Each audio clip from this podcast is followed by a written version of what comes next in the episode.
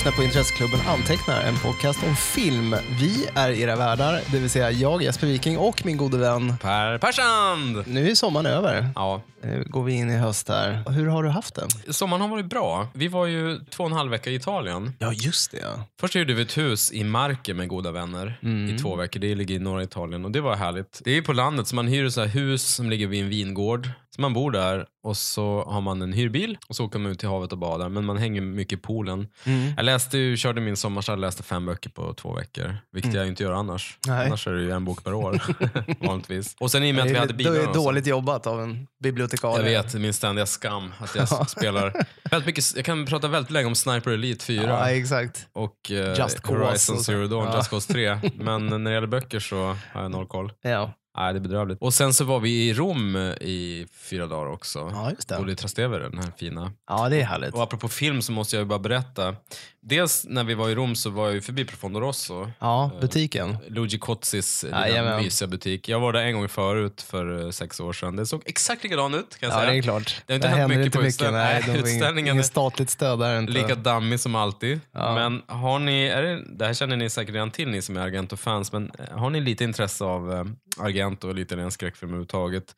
Och har vägarna förbi Rom så besök eh, Profondo Rosso som dels är en shop då med Luigi Cossis egenskrivna böcker, som varav några finns på engelska. Alla är ju risigt layoutade i, i Word typ. Ja, Jag tror inte de har lärt sig att det finns andra Nej, layoutprogram precis. än Word. det är mycket såna här uh, print on demand Ja. böcker på, tryckta på toapapper. Mycket Times New Roman. Ja. Men, Men- mycket läsvärda. Men de har ju lite film, jag köpte Suspiria på Blu-ray där. Ja, det är bra. De har ju en liten utställning som kostar 5 euro som man kan kika på med eh, props då från, eh, eller vad heter det, rekvisita på svenska, från Argentos filmer. Du väntade inte in den här Synaps Blu-rayen Ah, jag köper den också kanske. Ja. Jag ville köpa någonting bara. Ja, okej. Det är bra. Den kostade ändå 19 euro och hade noll extra material så det var ju ganska dåligt köp egentligen. Men jag Men du bara... köpte den där i där, Det betyder mer än någonting annat. Exakt. Det jag måste berätta också var ju att när vi var i Trastevere så hade ju själva stan arrangerat en filmfestival med kvällsfilmsvisningar. Ja, härligt. Det var otroligt härligt. Så på torget där i Trastevere,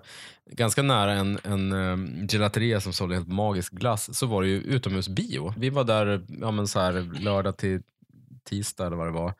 Och då körde de ju The Straight Story av David Lynch. Ja, Ganska udda film att köra ute egentligen. Ja. Men de körde i princip en film per kväll hela juni och hela juli. Ja. Och det var ju magiska. Jag kan läsa upp det vi missade. Uh, apropå Suspiria, så 3 juni var ju Argento där och introducerade Suspiria. Och de hade även eh, lite andra gäster. Står det på italienska, det hade jag glömt. ja, just det. Nej, men de körde... Cicciolina var där. Loredana Berté var där. Ja. Nej, men de körde Blow Up av Antonioni. Eh, är de körde lite... Gianni Amelio var där Ja. och introducerade L'America. ja, kul. Det är ganska fett ändå. Ja, det är det faktiskt. Gabriele Salvatores var där och introducerade Nirvana. Mm. Hans film från 97. Mm. Ja, men de körde så här Blue Velvet också. Samtidigt så när visningen vi var på var ju barn och Ja. sådär, så det var ju inte så... Härlig familjekväll. Ja, det i enkelt. Sverige. Ja. Se Isabella Rossellini förnedrad, Ja, naken. Exakt. Ja. Apropå förnedrad naken Vardag, så, familjevardag. så 2 juni så var ju Bertolucci där och introducerade Sista tangon i Paris. Oj, Ja, ännu en familjefilm. men verkligen. Och det var kvällen före Suspiria. Och för att avsluta då, slutet på juli, 29 juli. Först körde de Pinocchio och sen var Argento där igen och presenterade Fenomena. Och vi var ju då där fem dagar för tidigt typ. Hade jag varit där fem dagar senare Så är det så alltid. Argento. Det är alltid så. Alltid så. Men vilken jävla grej. Så har ni vägarna förbi Trastevere, Italien, eller Rom då, nästa år, så spana in. Kolla att det kan vara Filmfestival. utebiofestival där Ja, igen. det låter ju fantastiskt. Det var helt Det måste fantastiskt. vi få till. Mm. Bra tips, Ja. vad roligt. Ja, jag hade också eh, en ganska schysst sommar. Blev liksom, som jag brukar säga, lite tjockare ja, och eh, brun lite brunare. framförallt. Fast Mm. nu är jag blek igen. Det går fort. Blek och fet. Det är höstens modell. Brun och fet är härligare än Ja, blek och det är, det är faktiskt mycket härligare. Fördelen med höst är att man kan ha massa kläder på sig. Det är bra. fet. Gömma sig i en stor munkis. Exakt. Jag ägnade en liten del av sommaren åt att, jag skäms nästan att prata om det här Va? faktiskt. Men jag kollade lite Bigfoot-filmer. Ja, Ja, om någon anledning blev sugen på att se en massa filmer om Bigfoot. as you do. Sasquatch-rullar helt enkelt. Eh, Mm. Det börjar med, jag såg den här uh, Exist som kom 2014 Ja, av just det. eh, Eduardo Sanchez som gjorde Blair Witch. Ja, den blir lite omtalad. Ja, eh, Om inte annat för att han, ja, han gör inget på svinlänge så gör han en film om Nej, Bigfoot. om Bigfoot, ja precis. Det här är ju också en sorts här, found footage-rulle Mm. såklart. Den är ganska välgjord faktiskt. Den var Mm. spännande, måste jag säga. Och då blev jag lite så här sugen på, äh, nu ska vi se hur utbudet är i den här Mm. genren. Då gick jag tillbaka lite till originalet såg en film som heter The Legend of Boggy Creek som kom 1972, vilket är en sorts quasi-dokumentär kan man säga. De Mm. mest runt och, och fotar i vet, träskmarker utanför Washington. Där. Intervjuar lokalbefolkningen och den är egentligen mer intressant ur någon sorts antropologiskt perspektiv, bara för att se hur jävla fattiga folk är i USA. Extrem fattigdom. Mm. Men väldigt stämningsfull film. Lågbudget men väldigt eh, atmosfärrik. Så den kan vara intressant att titta på. Och Sen såg jag en film från 2006 som heter Abominable. som är mer av en B-gore-rulle. Nice. Den var ganska rolig faktiskt. Det är också en sorts eh, take på Fönstret åt gården. Det handlar om en rullstolsbunden man som kommer upp till sin eh, gamla sommarstuga Mm. Och är traumatiserad då av att hans hustru hade dött där uppe i en eh, klättringsolycka. Så han sitter där på sin veranda och liksom ser hur eh, den här jättin eh, håller på och decimerar en massa unga tjejer som bor i ett intilliggande hus. Lite skoj. Det är märkligt att alla de här monstren ändå har en fäbless för unga tjejer. Ja, det är unga tjejer som gäller. Mm. De är ju ändå Det godast. liksom, eh, primater. Men det är ju Willow Creek från 2013. Det är väl kanske, den var ganska effektiv faktiskt. Den är regisserad av Bobcat Goldthwait. Mm. Alltså, Oj, ja. Den skrikige i Skrikgalningen Polisskolan-filmerna. som han kallades för. ja, exakt. Och den var väldigt spännande. Det var också en sån här uh, fake footage, eller vad heter det, found footage. Ja. Fake footage, ganska bra benämning faktiskt. Om ett par som ska ut och campa och de gör sig lite halvlustiga över hela den här uh, Sasquatch-myten. Och sen Mm. så ja, hamnar de i trubbel. Den var väldigt stämningsfull. Några tips om man vill ge sig in i Bigfoot-träsket. Det, det är nästan så att du skulle göra en egen uh, Bobcat Goldthwait-podd. Han har haft en ganska märklig karriär efter Väldigt märklig. Polisskolan. Ja, det han. Jag kommer ihåg den här Shakes the Clown som kanske var Ja. hans regidebut. Ja, Verkligen en sån här mörk clownfilm. det. Ja, Och sen har han gjort väldigt, ganska han annorlunda. begåvad. Han har haft en bra stand-up-karriär Mm. också.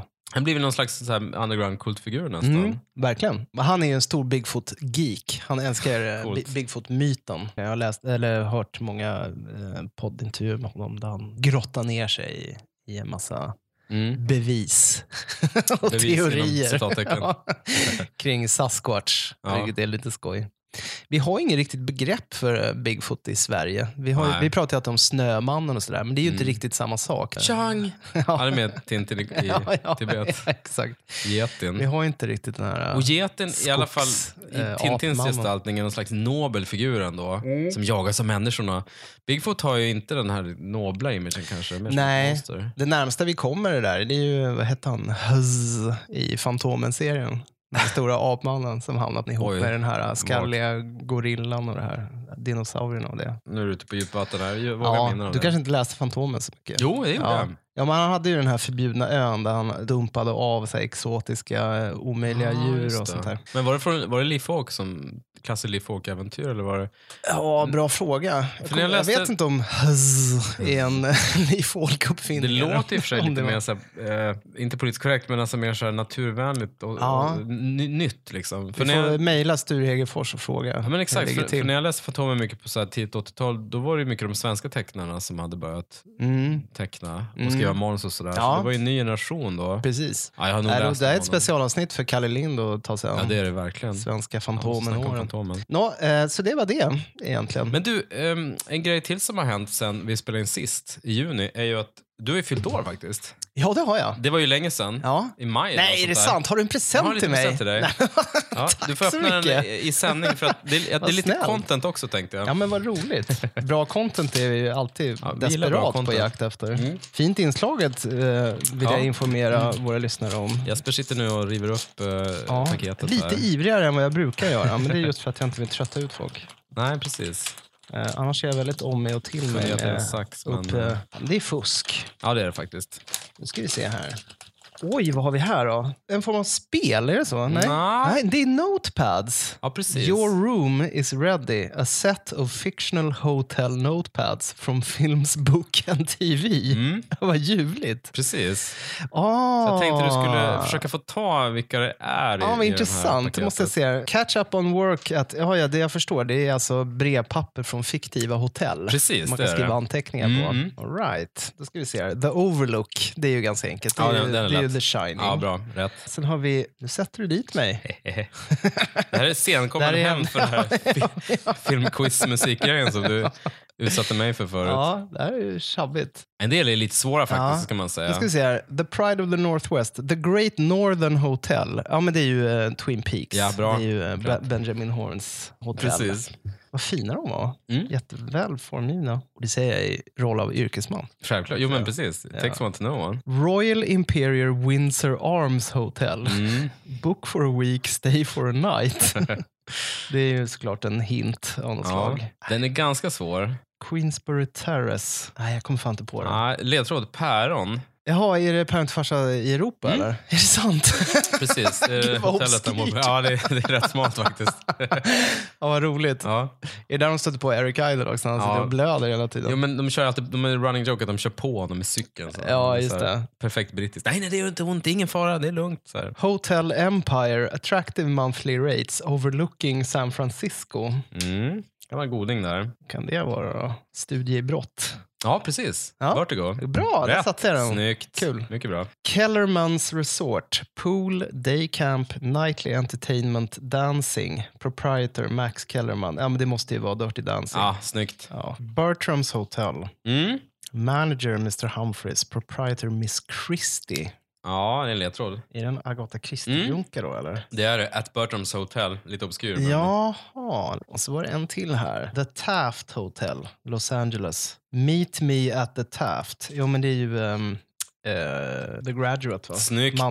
Mycket bra. Du sätter nästan alla där. En, två, tre, fyra, fem, sex, sju. Ja, fem av sju satte jag. Mycket bra. Ja, det, det är jag nöjd med faktiskt. Mycket nöjd med. Jättefin present Per, tack så väldigt absolut. mycket. Grattis efterskott. Det skulle Ja. du fått den i junipodden, men jag hann inte fixa det då. Nej, den som väntar på något gott. Jag var tvungen att flyga till London för att kunna köpa Ja, den, exakt. Det var därför du åkte dit alltså. Ja, det var därför. Trevligt. Mm. Ja, jätteglad blev jag för det här. Härligt. Man ska snobba med på jobbet. Det får du göra. Nej men du, vad ska vi snacka om idag? Idag så tänker vi fira att eh, hösten har kommit på allvar i Sverige. Ja, nu börjar man Nu se de, definitivt de röda löven. Och då tänkte vi passa på att prata om våra topp tre höstfilmer. Och det här är inte bara höstfilmer i bemärkelsen vad mysigt och kura ihop med en film när det är höst. Utan det ska vara filmer krypa, som... krypa in i en Olle och Ja. kura upp i soffan Det finns ju väldigt många te. filmer. Det är ju, alla filmer vi snackar om är ju sådana, Mm. filmer egentligen. Men vi ska inte snacka om Ghostbusters 2 eller, eller Alla presidentens män eller så här mys comfort food-filmer. Utan filmer som, där hösten ändå har någon form av betydelse eller roll i filmerna. symbolvärde kanske. Eller, eh, eller precis. En, en vacker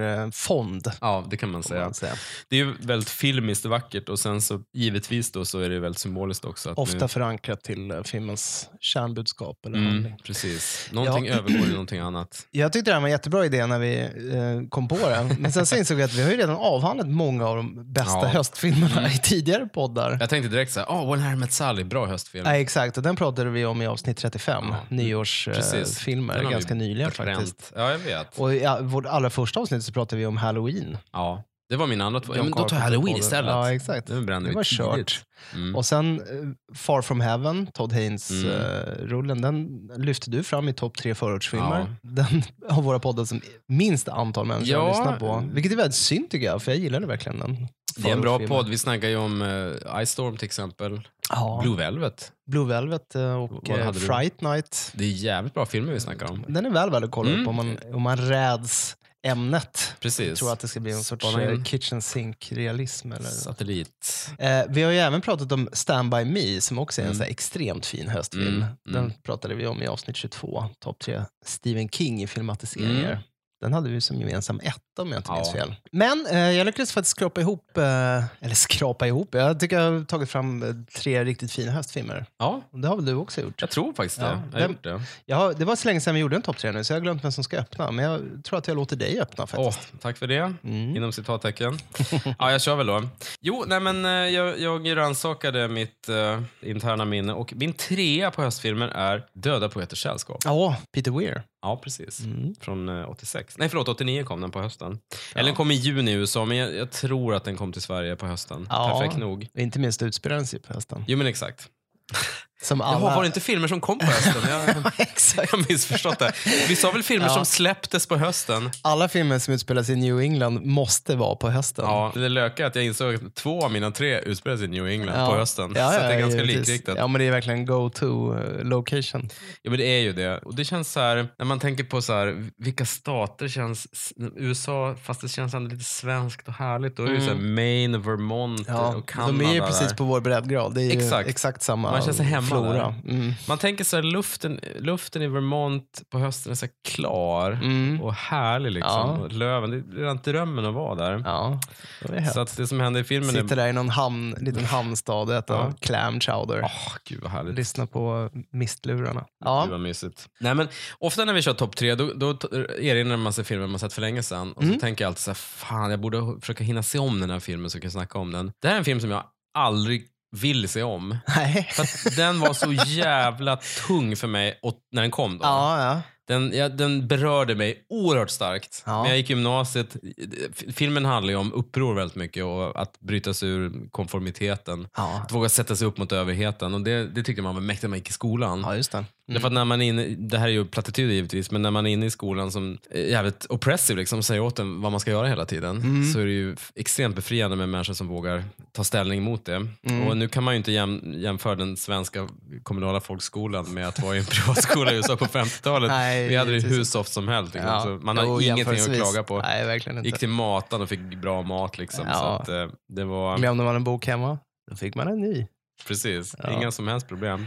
Det är ingen som örfilar ändå. Nej. Nej, men eh, det är ju, jag håller med. Jag tyckte också den var väldigt stark när jag såg den. Men sen, Mm. som är symptomatiskt för vår generation också, att den här eh, kärleksfilm och sen på ett självhatande vis börja håna Ja, men exakt. lite efteråt. Så nu har ju liksom Döda Peters sällskap blivit nästan som ett skämt. Jag vet, för man skäms. Ja. Och då, när vi såg den, det här med carpe diem, Ja. det var åh, vad tänkvärt, Ja, vad ja, fint. ja, man ska fånga dagen, Japp. seize the day. Ja, Och nu bara tycker man det är råtöntigt. Ja. Eftersom det givetvis då finns en massa affischer man kan köpa på eh, Ikea som det står carpe diem Carpe- på. ja. Eller på det är internet. fin. Alltså det har blivit klyschornas klyscha. Ja. Ja. men jag vet, och folk som, man sitter och googlar folk som har tatuerat in det och sitter och hånskrattar. Bara, Fy fan vilken Ja. loser. Ja. Men då var det starkt. Gentlemen, what are the four pillars?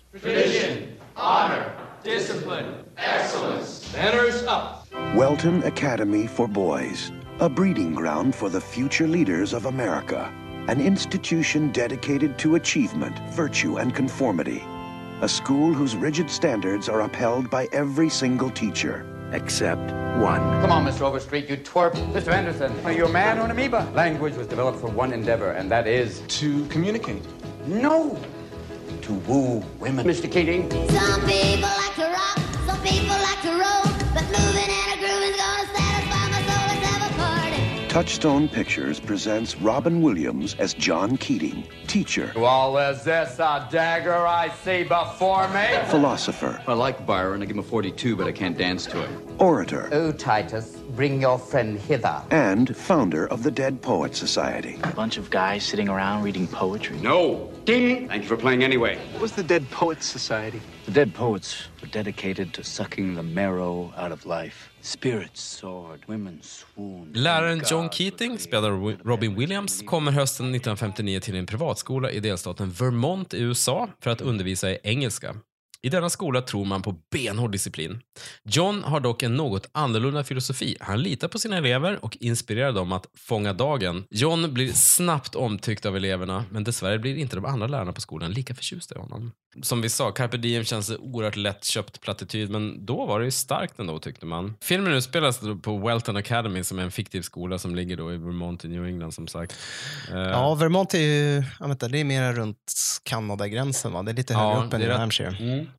Det är rätt högt upp där. Och jag visste inte det här förrän jag läste på om filmen nu, men manus skrevs av en snubbe som heter Tom Schulman som inte gjort så mycket annat, men han fick en Oscar för det här manuset. Och det bygger på hans Är han egen... släkt med Alex Schulman? Han är släkt- släkt med... Nej, jag kommer inte på något. Nej. Tom Trumma. Tom, Tom Topp. Är Robert Tom. Broberg. Nej. Ja, men precis. Ehm, och det är baserat på hans skoltid och han hade en lärare som heter Samuel eh, Pickering Ja. som också lyfts fram som en sån här briljant frifräsarpedagog. Mm, mm, som, han lever fortfarande i 60-70-årsåldern. Mm. Fast Pickering har då kanske lite tagit avstånd och sagt att Nej, men jag, hade inte jag hade inte ett tydligt uppdrag utan jag ville mest ha kul. Ja. Alltså han ville lätta på trycket och Ja. för sin egen skull ganska mycket. Ja. Keating, eh, Romy Williams i filmen har ju väldigt, han, han vill ju verkligen eh, fostra de här pojkarna till att tänka annorlunda och så tänka, tänka ett, Outside the box. Ja, men verkligen. Utan, innan begreppet ens fanns så kunde Ja, man tänka exakt. utanför lådan. Och eh, alla filmer med Robin Williams får ju en liten sorgens sordin över sig givetvis eftersom man vet att han var deprimerad. Nu Ja. vet man ju det och, och Ja, tog livet av sig givetvis. Men det här är ju en ganska återhållen roll för honom. Han Mm. eh, fick ju freaka ur ganska mycket mer i andra roller. Jag tänker på Flubber och Precis. Jumanji. Och Ja, men lite, lite de filmerna.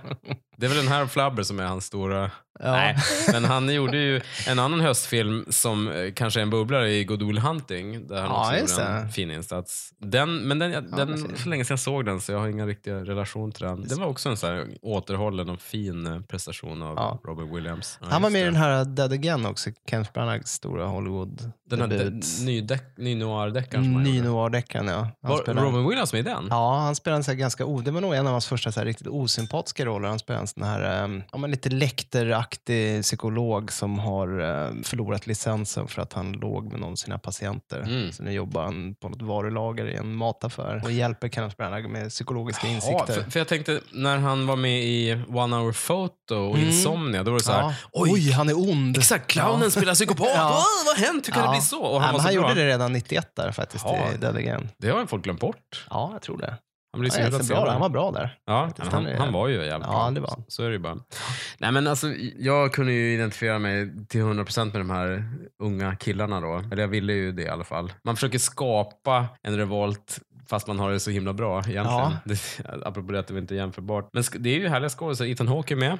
Josh Ja, det. Charles är med. George Charles, ja. Framförallt Robert Sean Leonard är med. Ja, just det. Som Vad hände minns- med Robert Shaw? Jo, men det som hände var att han spelade Wilson i House i flera säsonger. Det var det, ja. Ja, han var fantastisk i House. Ja. Ständigt hånad av Just House. det, just men han var så jävla bra som Ja. Wilson. Han är grymt underskattad, eller kanske inte underskattad, men han är en jävligt bra skådis helt enkelt. Ja, det, men det jag han... kommer ihåg eh, när det begav sig, det hade jag ganska svårt att skilja på honom och Josh Hartnett. De var liksom lite samma Ja. typ av eh, Mm, de är ganska lika skådis. också. Sådär. Rekordeliga, snygga amerikanska Mm, clean cut båda killar. två. Ja, men verkligen. Robert Sean Leonard har ju den här tunga rollen att han, han är son till Kurtwood Smith då. Ja, som vi- just det. Boddicker i Robocop. Exakt. Ja. Det är Boddicker och så är det ju farsan i That 70s Show. Ja, Hey dumbass! Ja, just det. Han är en Ja. fantastisk Han skådis. är underbar. Så väldigt Kurtwood bra. Smith. Och han spelar alltid den här typen av hard ass. Men i That 70 Show är han ju rolig. Och här är han ju bara väl, Han vill ju att sonen ska gå i militärskola. Och inte hålla på med de här tramset, det här poesibögeriet liksom som Nej. Robert Sean Lennon gör. Vilket gör att Robert Sean Lennon begår självmord då. Ja, just det. Och det var ju en fruktansvärt stark scen, kommer jag ihåg när jag såg den. Just det. Hans eh, livspassion blir kväst. Ja, och han pallar inte stå upp mot farsan så han, han tar livet av sig istället. Hemskt. Otroligt starkt och det är det som blir eh, skälet till att Keating får kicken till slut också. Ja, just det. Eftersom det funkar ju inte. Han får ju skulden och, och sen kommer, den här, kommer den här oh, Captain My Captain scenen Ja, just det. ställs på. Vi blev tvingade att skriva på det där Precis. pappret. Jag vet det pojkar, jag vet det. ja, väldigt fint. Apropå det så finns det en otrolig, jag ska lägga in det på show notes, det, det finns um, en otroligt rolig SNL-parodi på, på den här slutscenen Mm. Med, som heter Farewell Mr Bunting. Som Jaha. SNL gjorde f- 2016 med Fred Armisen i rollen som eh, John Keating. Då, Ja, okej. typ. Mm. Eh, Jag ska inte säga något, men det är, det är, den är tre minuter lång och den är otroligt rolig. Och Det är den här slutscenen, fast den tar en helt annan vändning. Det är en helt annan typ av film. Alltså den är så jävla rolig. Så Okej. att jag, lägger in, jag lägger in en länk till Vimeo och länken på den. För Ja, den var riktigt, riktigt rolig. Den måste ni faktiskt se utan att avslöja för mycket.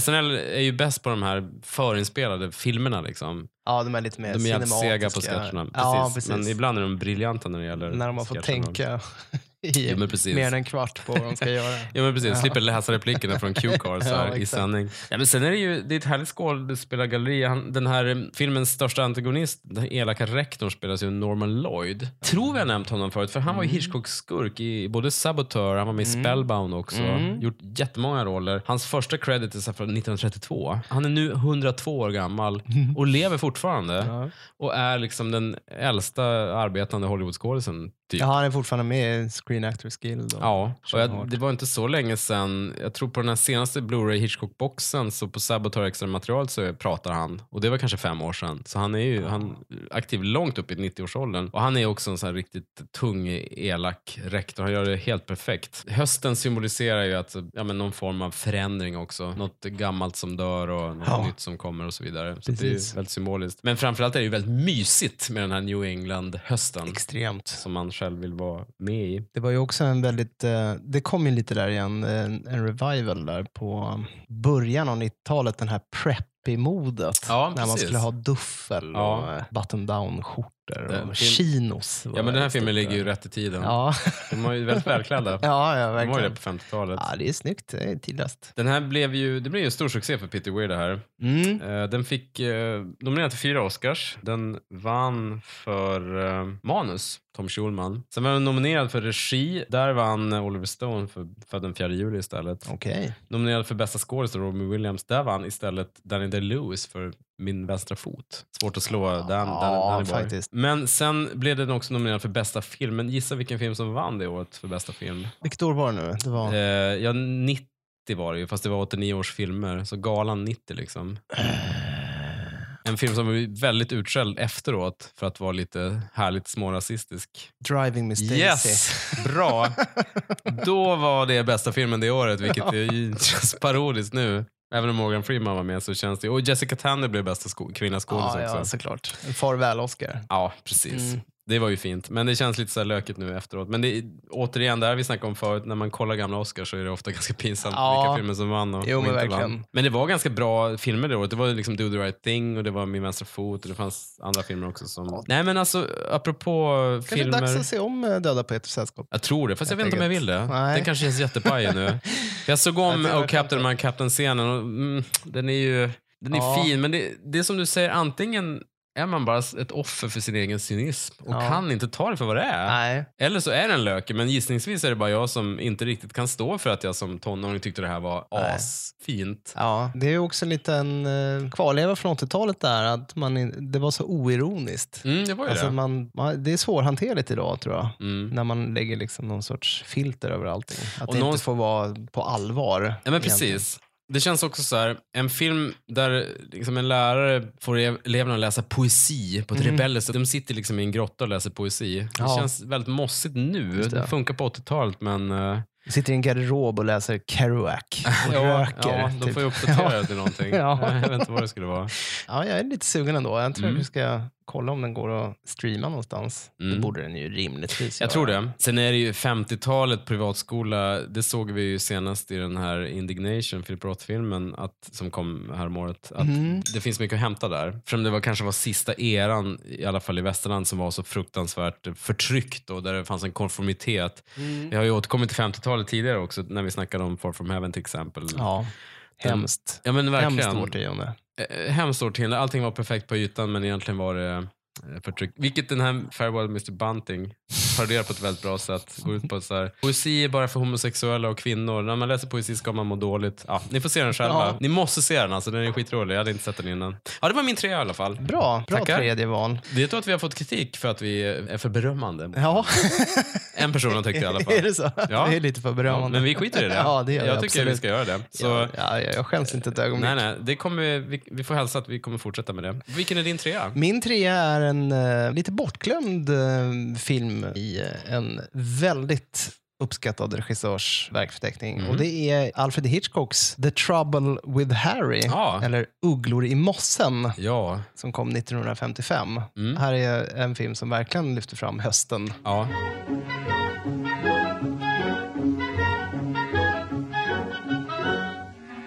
The trouble with Harry is that he's dead, and one of these real nice people could have caused that trouble. Perhaps the sweet old sea captain, who actually wasn't a very good shot. Or the New England spinster, who would go to any lengths to defend her honor. Or the enchanting redhead, who had been Harry's unkissed bride. Or the unconventional artist, who was mad about Harry's widow. Or the bum who needed a new pair of shoes. Or the nearsighted surgeon who liked to read poetry out loud. Yes, the unconventional Mr. Hitchcock has done it again, just as he did with Rear Window, playing a most unusual story against a new and different background. And the only trouble is, you won't stop laughing at The Trouble with Harry. En man hittas död i skogen. I grannskapet är man förbryllade och bekymrade. Alla tror sig på något sätt vara inblandade i mannens död och nu måste hans lik tas om hand. Punkt. Ja, nej men det här var ju en superflopp. Man brukar säga att folk i- liksom gick till biosalongen med vissa förväntningar på en Hitchcock-film och så Ja. fick de se I väntan på Godot. Och det är lite så. Det är en väldigt drömlik och surreal film. Nästan antitesen till spännande faktiskt. För att alla som stöter på det här liket, de är egentligen ganska obrydda. Det är ingen som blir så här upprörd.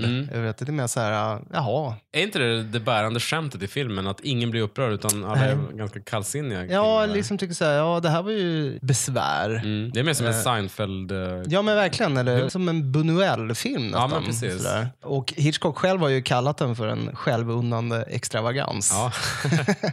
I samtal med Truffaut, Mm. såklart, som intervjuade Ja. Hitchcock så Mm. fort han fick en chans. Den utspelar sig ju på hösten då, också i eh, New England. Som man brukar säga, på hösten så våras det för döden. Mm. Och en annan bidragande orsak till att den var så impopulär tror jag också att den är oerhört för sin tid rak kring ämnen som just sex. Det Mm. pratas väldigt mycket om samlag. Det är eh, bland annat en äldre kapten som stöter på liket först. Mm. Spelad av eh, Edmund Gwen, Mm. som vissa kanske kommer ihåg som Chris Kringle i den här klassiska julfilmen Miracle on 34th Street.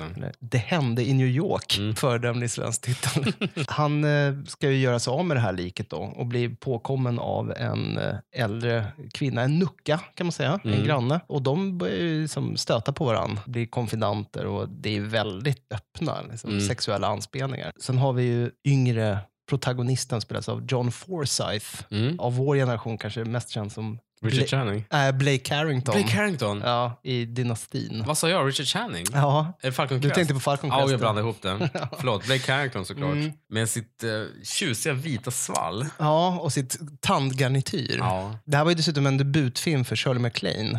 Jaha. Så hon spelar eh, likets änka, Mm. som inte heller är särskilt eh, brydd för att hennes man har kilat vidare. Jävligt charmig film Mm. helt enkelt. Det är ju på något sätt en romantisk komedi snarare än en mordthriller. Mm. Även om den rent formellt har strukturen av en who done it eller Mm. vem var det egentligen som hade ihjäl honom? För Mm. att alla tror ju på något sätt att Nej, men det var jag. Oerhört vacker film. Alltså, Hitchcock ville ju fota den i ett väldigt typiskt höstlandskap. Och de åkte ju till Massachusetts och filmade in, men de kom tydligen dit för sent. Då hade de flesta löven hunnit trilla ner redan. Så de var tvungna att ta sig tillbaka till studion med eh, några hundra säckar höstlöv Mm. som de limmade upp överallt i studion för att återskapa känslan av en tidig höst.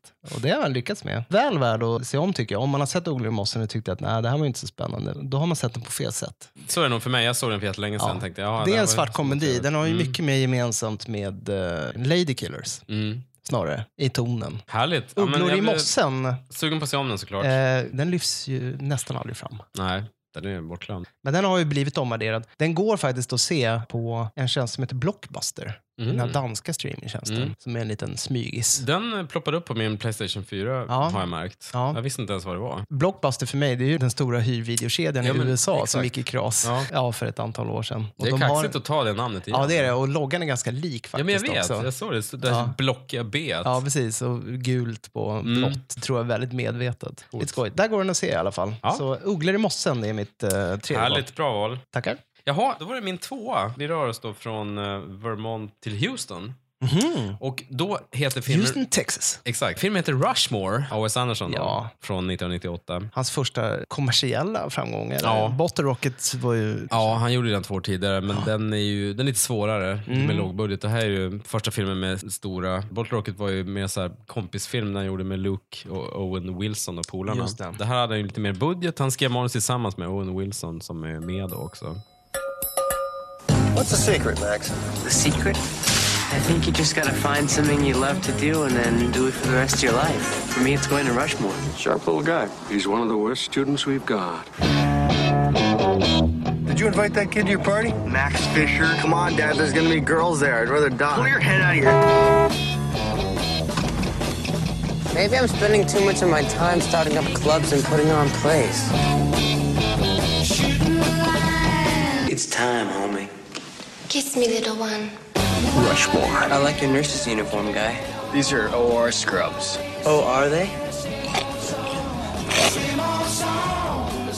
Max Fisher är 15 år och går på den förnäma privatskolan Rushmore Academy. Han är väldigt aktiv i verksamheten kring skolan, bland annat som redaktör på skoltidningen, ordförande i flera föreningar och klubbar och en populär festfixare.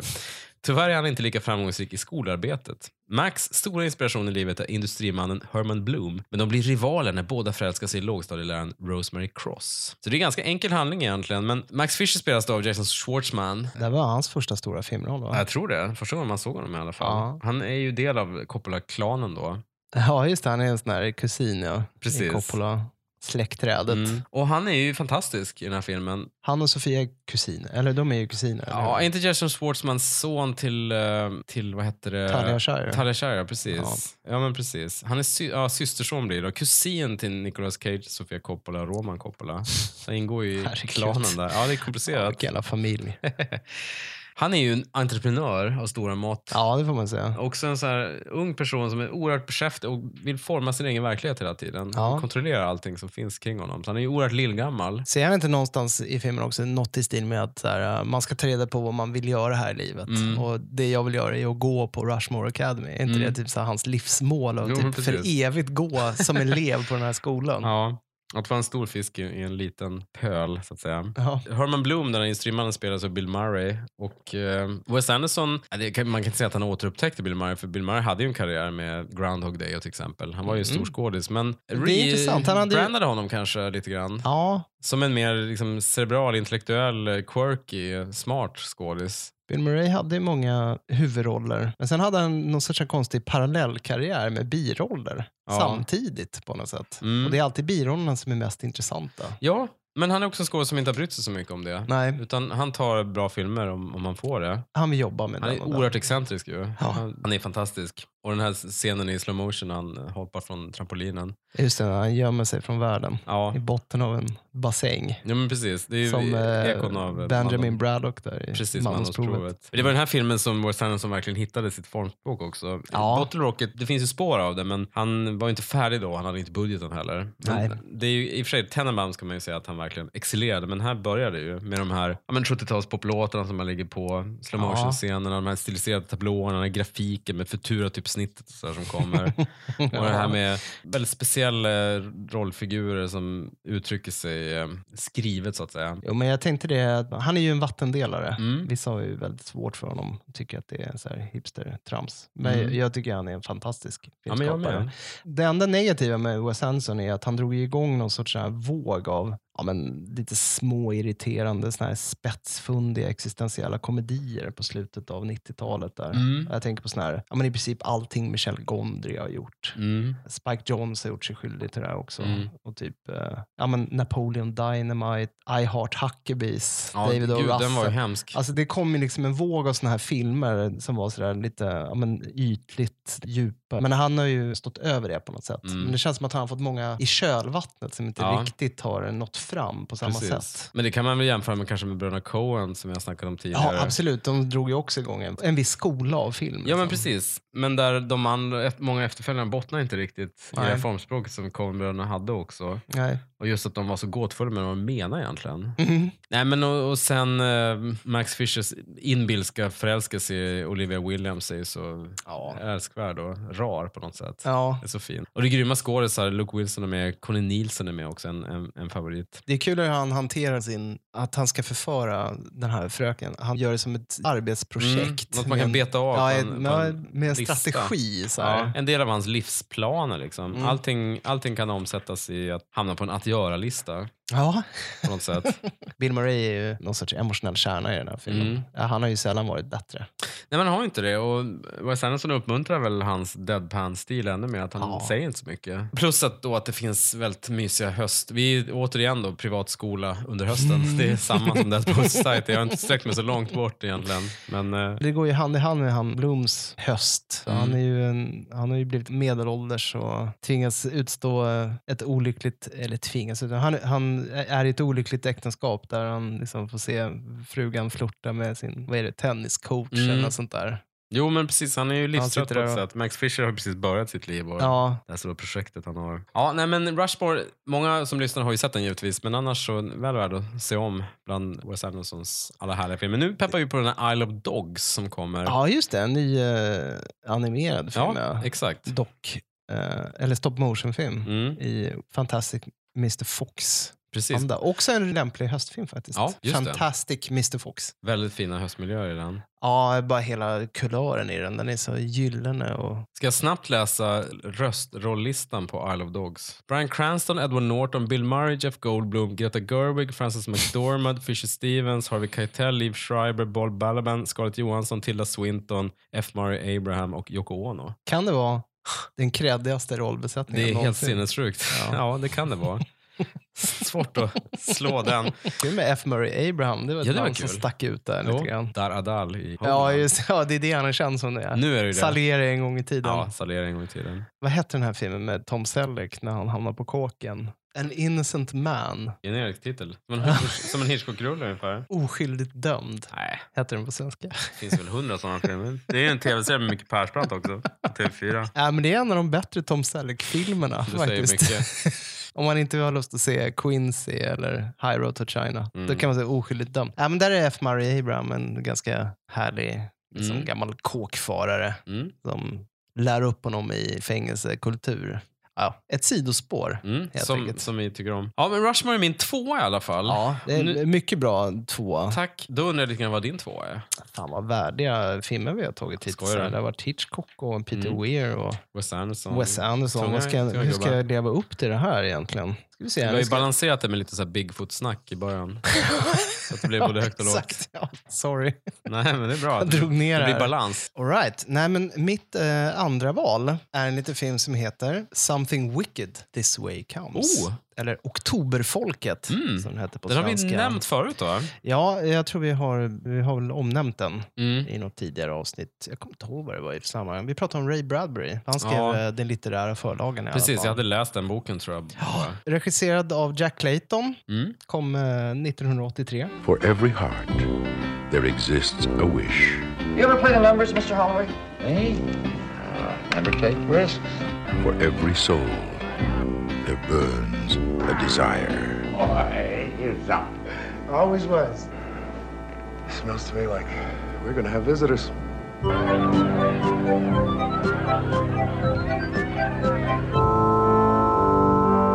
But never whisper your dreams, for someone might be listening.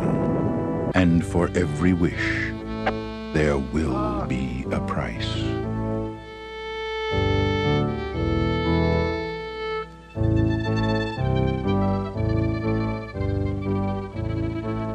Ray Bradbury's fantasy tale of light and darkness is getting closer.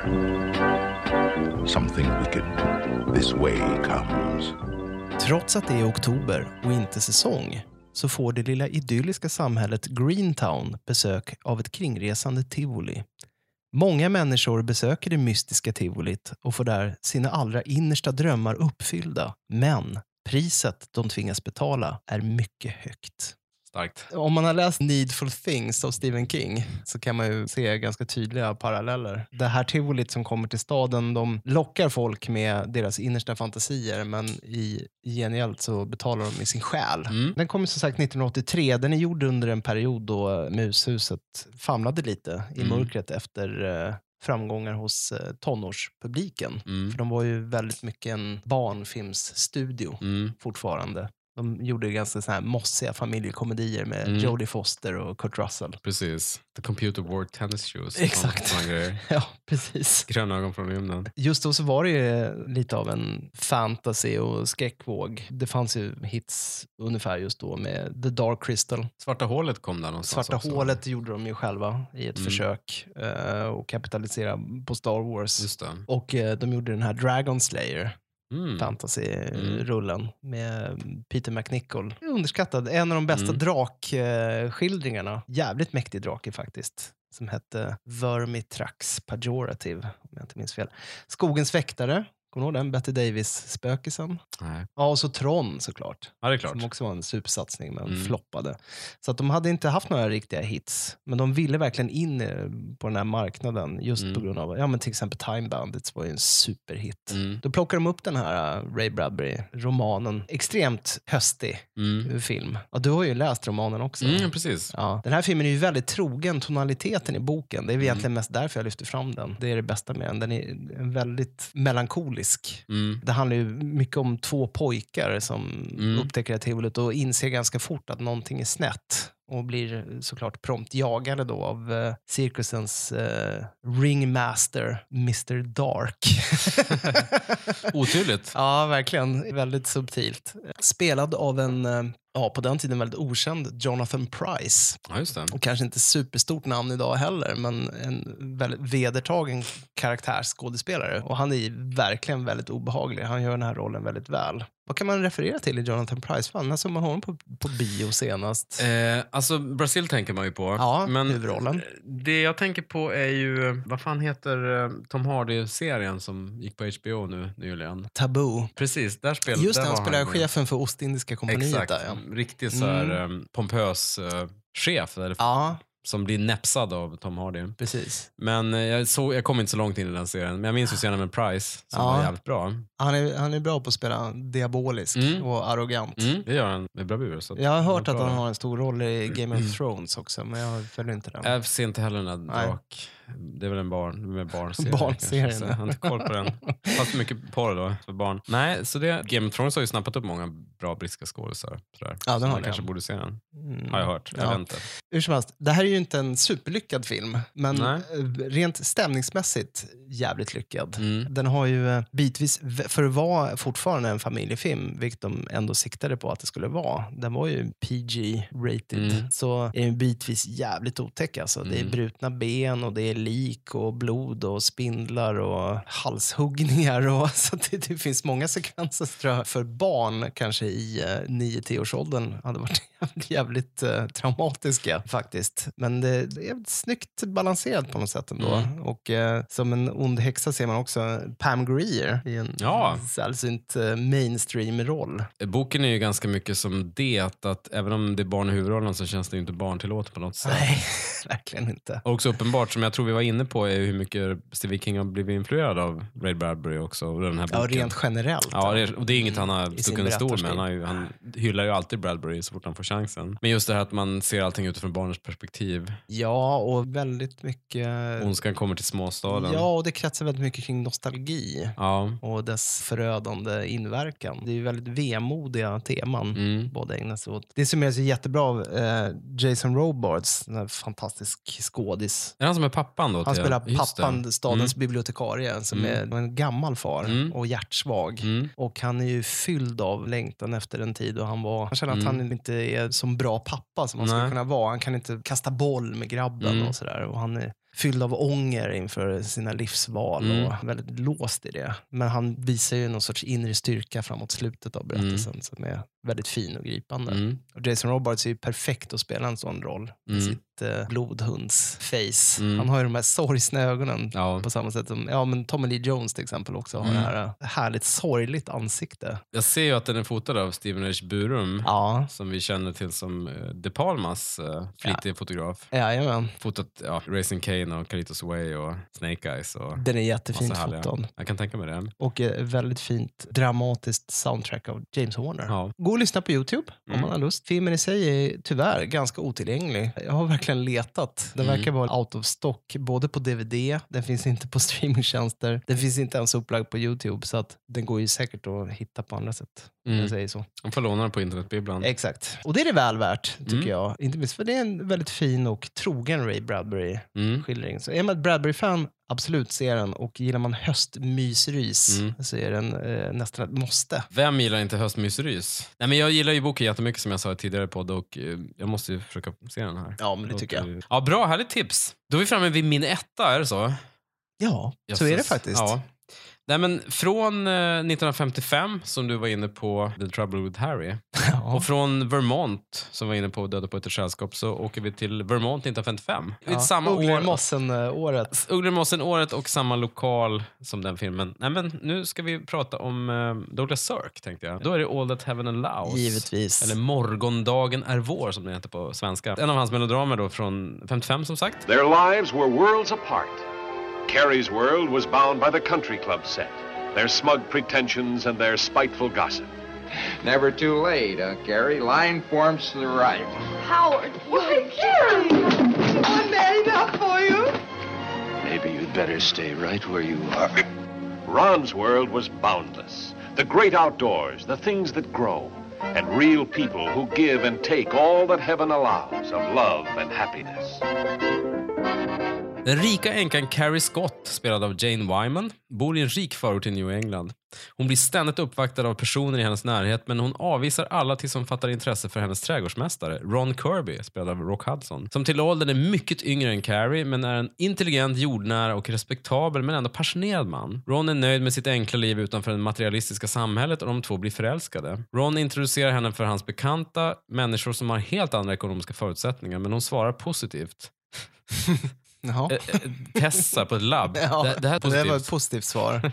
Jag bekräftar min tes. Carrie accepterar hans frieri men kommer på andra tankar då hennes vänner och barn som är collegeåldern reagerar negativt. De ser ner på Ron och hans vänner och förkastar Carrie för detta socialt oacceptabla arrangemang. Det är en klasskonflikt kan man ju säga. Sörk eh, gjorde sig gärna lustig över medelklassen. Ja, det här är ju det vi var inne på tidigare. Det är ju liksom 50-talskonformismens mardröm. Att Jane Wyman är otroligt låst i den här medelklasstillvaron. Mm. Där de sociala koderna är så stränga och där straffet för att bryta dem är så starkt. Då. Så hon står ju inte emot. Rock Hudson är ju då eh, lägre stående, kast så att säga. Men han är också en eh, fin man som är mycket mer intellektuell och smart då, än hennes polare. En fri själ. en fri själ, precis. Men det, det funkar ju då och de, det ses ner på dem från eh, omvärlden och det blir problem för henne. Det är något replikskifte ganska tidigt i filmen. Här Jane Wymans rollfigurs beskäftiga dotter Mm. snackar om kvinnlig frigörelse och eh, om hur de gamla egyptierna, när männen dog så begravdes fruarna, murades in ihop med liken Mm. för att de var en del av mannens egendom på något sätt.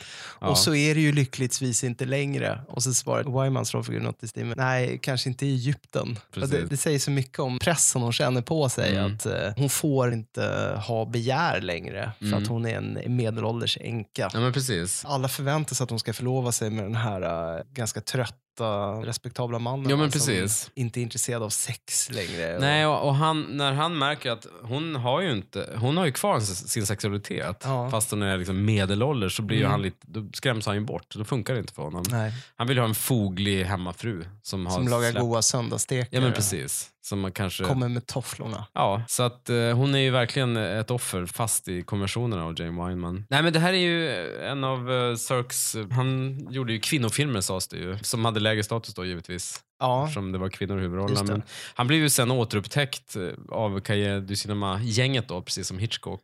För att det gick att läsa in så mycket undertoner. Ja men precis. I efterhand så finns det ju många som, alltså det finns mycket att hämta. Det härliga med. Sörk tycker jag är att samtidigt så funkar de ju jävligt bra bara som rena melodram. Ja men Hans precis. filmer. Precis, det funkar. Vill man kan man läsa in gay subtext och feministisk subtext Ja. och, och lite annan typ av subtext. Men man kan ju också njuta av bara hur han berättar med färger till exempel och hur bildkompositionen är helt oöverträffad och hur han använder den här Technicolor-färgen. Det finns ju många exempel på hur han framar personerna med fönster som iskyla i ena hörnan och en, en brasa i den andra hörnan så står Mm. de lite emellan. Så det är väldigt otroligt Ja, symboliskt Kyla och värme och verkligen bava skolan. Ja men precis. Jane Wyman hon gör ju en fantastisk roll här. Så mycket hon förmedlar bara i små ansiktsuttryck. Mm, väldigt bra. Och jag tänker ju mest på henne som Angela Channing då, apropå Ja. fattigkrets. Eftersom det är det jag växte upp med. Exakt. Och det är intressant att hon, hon var bara 38 när de spelade in den här filmen, så hon är ju långt ifrån en gammal tant. Och Rock Hudson var ju 30 tror jag, så att han Ja. var bara åtta år yngre. Så det är inte så stor skillnad ändå. Jo, han var jävligt stilig, Rock Hudson. Väldigt, väldigt bra. Snygg. Och givetvis då, de här höstfärgerna kommer ju till sin absolut fulla rätt i, i Technicolor. Bildkompositionen här, det är otroligt snyggt allting. Den här filmen finns ju på eh, Youtube, Ja. i gloriös HD. En criterion Det är någon som lagt upp Criterion-utgåvan i, i. HD. Ja. Eh, legat uppe i över ett år med över 200 000 tittare. Så det är fritt fram där om man är peppad. Vänner av ordning får ju såklart anmäla det. För andra så, ja, gå in och titta. Det är ljuvligt. Ja. 1080p den är Ja, upplagd i. det är tror jag. jättesnyggt verkligen. Jag blev så tagen av den här, äh, de besöker ju hans, han är ju arborist. Han har ju en passion för träd. Mm. Han har ju en liten brits i sitt växthus. Och hon tycker det är kanske lite väl ungkarlsmässigt. så hon antyder ju ganska tydligt att han borde renovera en gammal eh, kvarn Just det. till lägenhet. Och då gör han det så här, det ser ut som en så här Gotlandsvilla Mm. av, av en arkitekt. Han har gjort en golv till tak, glasfönster med majestätisk utsikt mot en sjö. Sånt det är så jävla fint Inga gjort. problem. Ja, är verkligen drömboende. Rock Hudson fixar det. Han gjorde ju det. Sen tror jag vi, vi nämnde väl den här filmen i samband med Far From Heaven också. Att Apropå att vara låst Ja men precis. eh, Den är kraftigt inspirerad av den här. Den jävla tvn hennes barn ger henne som en ny livskamrat. Ja. Att de ska sitta och glo på tv. Ja, det är så hemskt. Alltså, till cellen så får hon lite sällskap hon inte ska vara helt ensam. Åh, mycket bra val. Tackar, tackar. Jaha, då är det din etta. Här går det undan. Jag tänkte lyfta fram Sista sommaren, eller On Golden Pond som den hette. Nu är det panschismys. Universal Pictures proudly presents a very special motion picture. Katharine Hepburn, Henry Fonda, Jane Fonda, on Golden Pond. I hear you turned 80 today. That what you heard? Man, that's really old. You should meet my father. Hey, oh, Mommy, darling. It means so much to him to have you here. Look at this little fat girl, Ethel. Sure, now he's got someone he can pick on. Bill Ray. Bill Ray. Yes, sir. The dentist? Yes, sir. Want to see my teeth? Oh. We like to sleep together in the same room, same bed. You know, if it's not offensive to you. Said they wanted to sleep together. You and I did, didn't we? Ah, I guess I'd be delighted to have you abuse my daughter under my own roof. Would you like the room where I first violated her mother?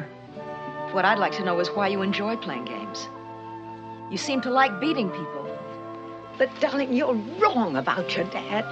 He does care. He cares deeply. I'm afraid of him. Well, he's afraid of you. So you should get along fine. No, he won't. Ethel och Norman tillbringar sommaren vid Golden Pond. Norman ska fylla 80 och är bitter för att han känner att hans självförmögenheter börjar avta. De får besök av dottern Chelsea med ny fästman och dennes 13-årige son Billy som blir kvarlämnad hos det äldre paret i en månad.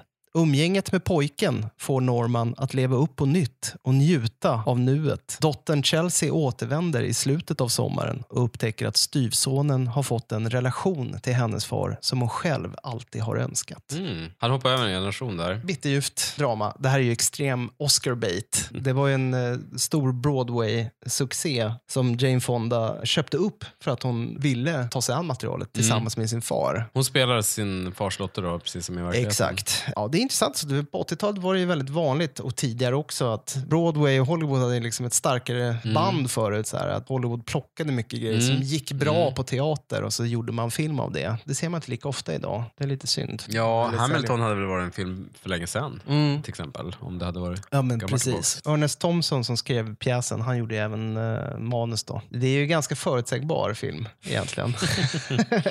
man hör ju nästan kugghjulen snurra. Mm. Man vet 20 minuter in vilken emotionell resa alla rollfigurer kommer att färdas. Men det är tryggt. Ja, men det är ju det. Och den är Mm. väldigt charmig och det är ju väldigt mycket tack vare just eh, castingen Henry Fonda och Catherine Hepburn som Mm. det här äldre paret. Det är Mm. alltså två gamla proffs som eh, verkligen får visa upp hela känsloregistret. Framförallt Henry Fonda är ju, han gör en jättebra gestaltning av en man som, han har ju som sagt börjat tappa sina fakulteter och är Mm. livrädd och försöker dölja sin skräck och sin blyghet mycket genom att vara ganska sarkastisk och hånfull och Mm. gillar att reta folk. Den enda som ser igenom den fasaden är ju hans fru då. Och Jane Fonda kommer dit med en så enorm chip on her shoulder och känner Mm. att hon aldrig blev riktigt uppskattad för den hon är. Vilka drömroller det här måste varit för de två. Ja. På ålderns höst. Att få de här Absolut. rollerna. Ja, men det var ju Något att riktigt bita Ja, i. verkligen m- mustiga roller att, Mm.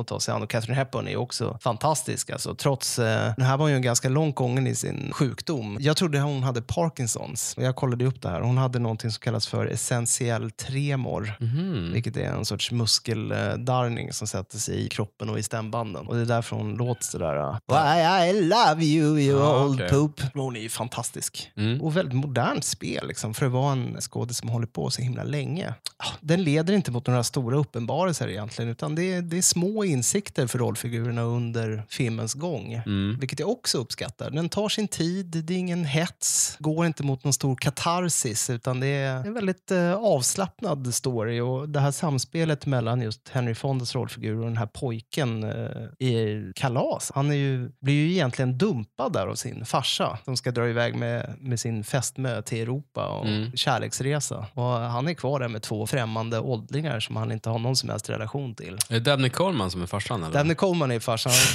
Jävla Coleman är ju alltid, man blir alltid glad när man ser honom. Ja, man vet också att det kan vara något av ett asshole. Ja, verkligen. Han är ju kanske mest känd som någon sorts så här, uh, försåtlig Mm. smilfink egentligen. Jag kanske får spela lite väl mycket pajas också. Ja, men det är precis. Fast han är en fantastisk skådis. Han blir ju på något sätt typecastad som en, en komisk skurk. Chefen i 9 till 5 till exempel. Precis, eller Tutsi när han var den här Mm. vidriga eh, såpopera-regissören. Och han var väl den här um, otrogna farsan i You Got Mail också. Ja, just det. Ja, han har spelat många sen lite Mm. komiskt osympatiska typer. Mm. Han har en jättefin dialogscen just med Henry Fonda när han blir introducerad för honom och de är ensamma i huset och Henry Fonda nästan hånar sin dotters nya man. Mm. Och eh, Dabney Coleman ruttnar på det och bara säger rakt ut, jag tycker du verkar vara en intressant människa, det hade varit kul att lära känna dig, men bara så att du vet, jag tänker inte ta så här mycket skit i Mm. all evighet. Mm. Och vi måste inte vara vänner. Det är helt okej. Men det hade varit kul att vara din vän. Så att- Fan vad starkt. Ja, så om vi kan lägga ner det här skitsnacket så hade Mm. det varit toppen vad mig anbelangar. Vill att uppstår ett samförstånd mellan dem. Med tanke på att Jane Fonda, tydligen har ju de haft en, en relation som, jag har ingen aning om hur den var, men liknade den här Mm, i filmen. mm. Och de har ju en bra förlösande scen på slutet, men framförallt så tycker jag det var många starka emotionella scener mellan henne och eh, Catherine Hepburn. Mm. Jane Fondas rollfigur anklagar sin far för att vara känslokall och Mm. att han aldrig har gett henne stöd eller uppmuntran. Och eh, morsan tar sin makes sida. Du måste släppa det där nu. Du är vuxen, du är framgångsrik, lyckad. Mm, Liksom, mm. släpp det där nu. Du känner inte din far som jag gör. Mm. Han har alltid älskat dig jättemycket, men han har svårt för att uttrycka det. Mm. Försök att prata med honom istället för att vara liksom, så antagonistisk. Fan, jag blir jättesugen på att se den här. Jag tror inte jag har sett den. Känns inte som jag har sett den. Den är jävligt mysig. Och återigen då, fotot, apropå hösten som tema. Det här utspelar sig under en sen sommar. Och det är ett extremt fint kvällstrypande foto av Billy Williams. Som jag tror han var nominerad för det här. Men han vann en Oscar året senare sen för Gandhi. Och sen spelar han ju Land of Calrissian lite senare. Ja, exakt.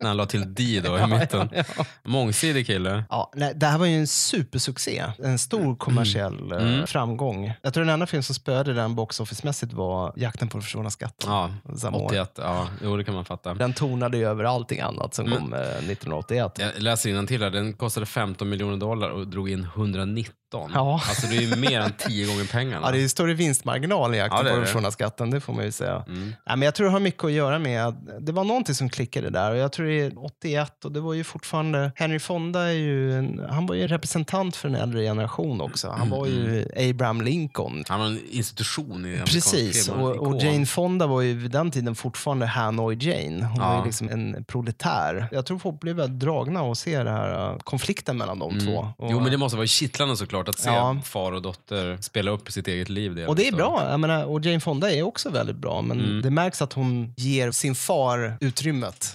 Hon bjussar på det. Mm. Men det känns är ju väldigt generöst. kännetecknet hos en bra skådis också, att man vet när man ska släppa och ge till den andra. Mm. Väldigt charmig, sentimental film Mm. som jag kan rekommendera.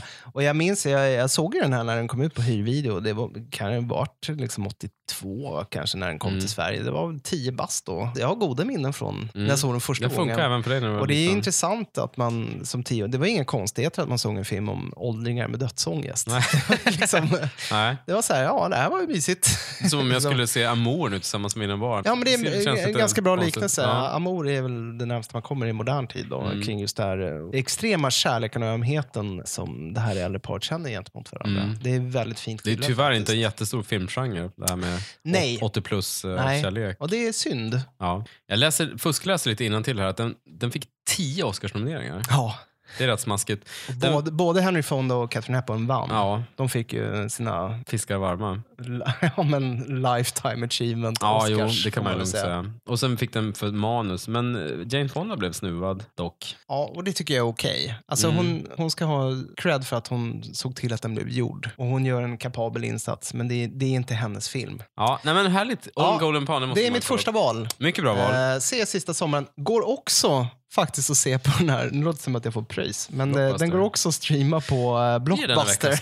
av Blockbuster. ja, den går att streama på Blockbuster. Jag har verkligen kollat överallt, Mm. men den finns bara där. Bra! Nej, men det var det vi hade den här gången. Vi satsar ju på lite tätare utgivningstakt under hösten. Mm. Vi brukar säga att vi, inte är tillbaka, vi är tillbaka om inte allt för länge. Så dröjer det två månader, men nu är vi tillbaka om inte allt för länge. Ni får väldigt gärna kommentera. Dels kan ni gå in och tycka, ge oss betyg på iTunes. Helst femmor då. Sen kan ni också kommentera. Ni kan gå in på TV-dags. Ni kan göra det på Twitter, Youtube höll jag på att säga, Facebook, Instagram i alla fall. Vill ni oss någonting så mejlar ni oss på ikapodcast.gmail.com. Och givetvis så uppmuntrar vi er att bli eh, donatorer via Patreon. Hur gör man då Jesper? Då öppnar man eh, sitt browserfönster på datorn Mm. eller mobilen och så går man in på patreon.com slash ICA-podcast Mm. och ehm, så väljer man en av de prisnivåerna. Exempelvis Salt and Vinegar. Som är Salt tio- and Vinegar är 10 dollar per avsnitt Mm. eh, vi släpper. Då får man eh, tillgång till massa extra godis, premiuminnehåll. Man får och, önska eh, film. Och man får önska en film som Ja. vi pratar om. Din absoluta favoritfilm eller din absoluta hatfilm eller en film som du är nyfiken på men inte har vågat se av diverse skäl. Ja, men exakt. Och det kommer vi göra redan nästa gång va? Det kommer vi göra nästa gång. Mm. Då kommer det en ny önskefilm, för vi har redan fått in ett antal förslag Härligt. på rullar som vi ska se. Jag vill även uppmuntra alla våra befintliga Patreons att vi har en frågelåda på vår Patreon-sida där man kan ställa frågor direkt till oss som vi kommer att besvara i ett specialavsnitt. Ja. Jag vill Mm. även uppmuntra våra Salt Vinegar-kunder att skicka in en Mm. önskefilm. För vi har ett gäng, men nu kommer vi öka takten på det här med Precis, nu önskefilmerna. måste vi ha många filmer så Ja, vi har något så att, att, beta eh, av. Mm. Ge oss mer att eh, gräva ner oss i. Tills vidare säger jag tack för oss. Tack så mycket Jesper, ha det fint. Vi hörs. Det gör vi. Hej hej. Hej.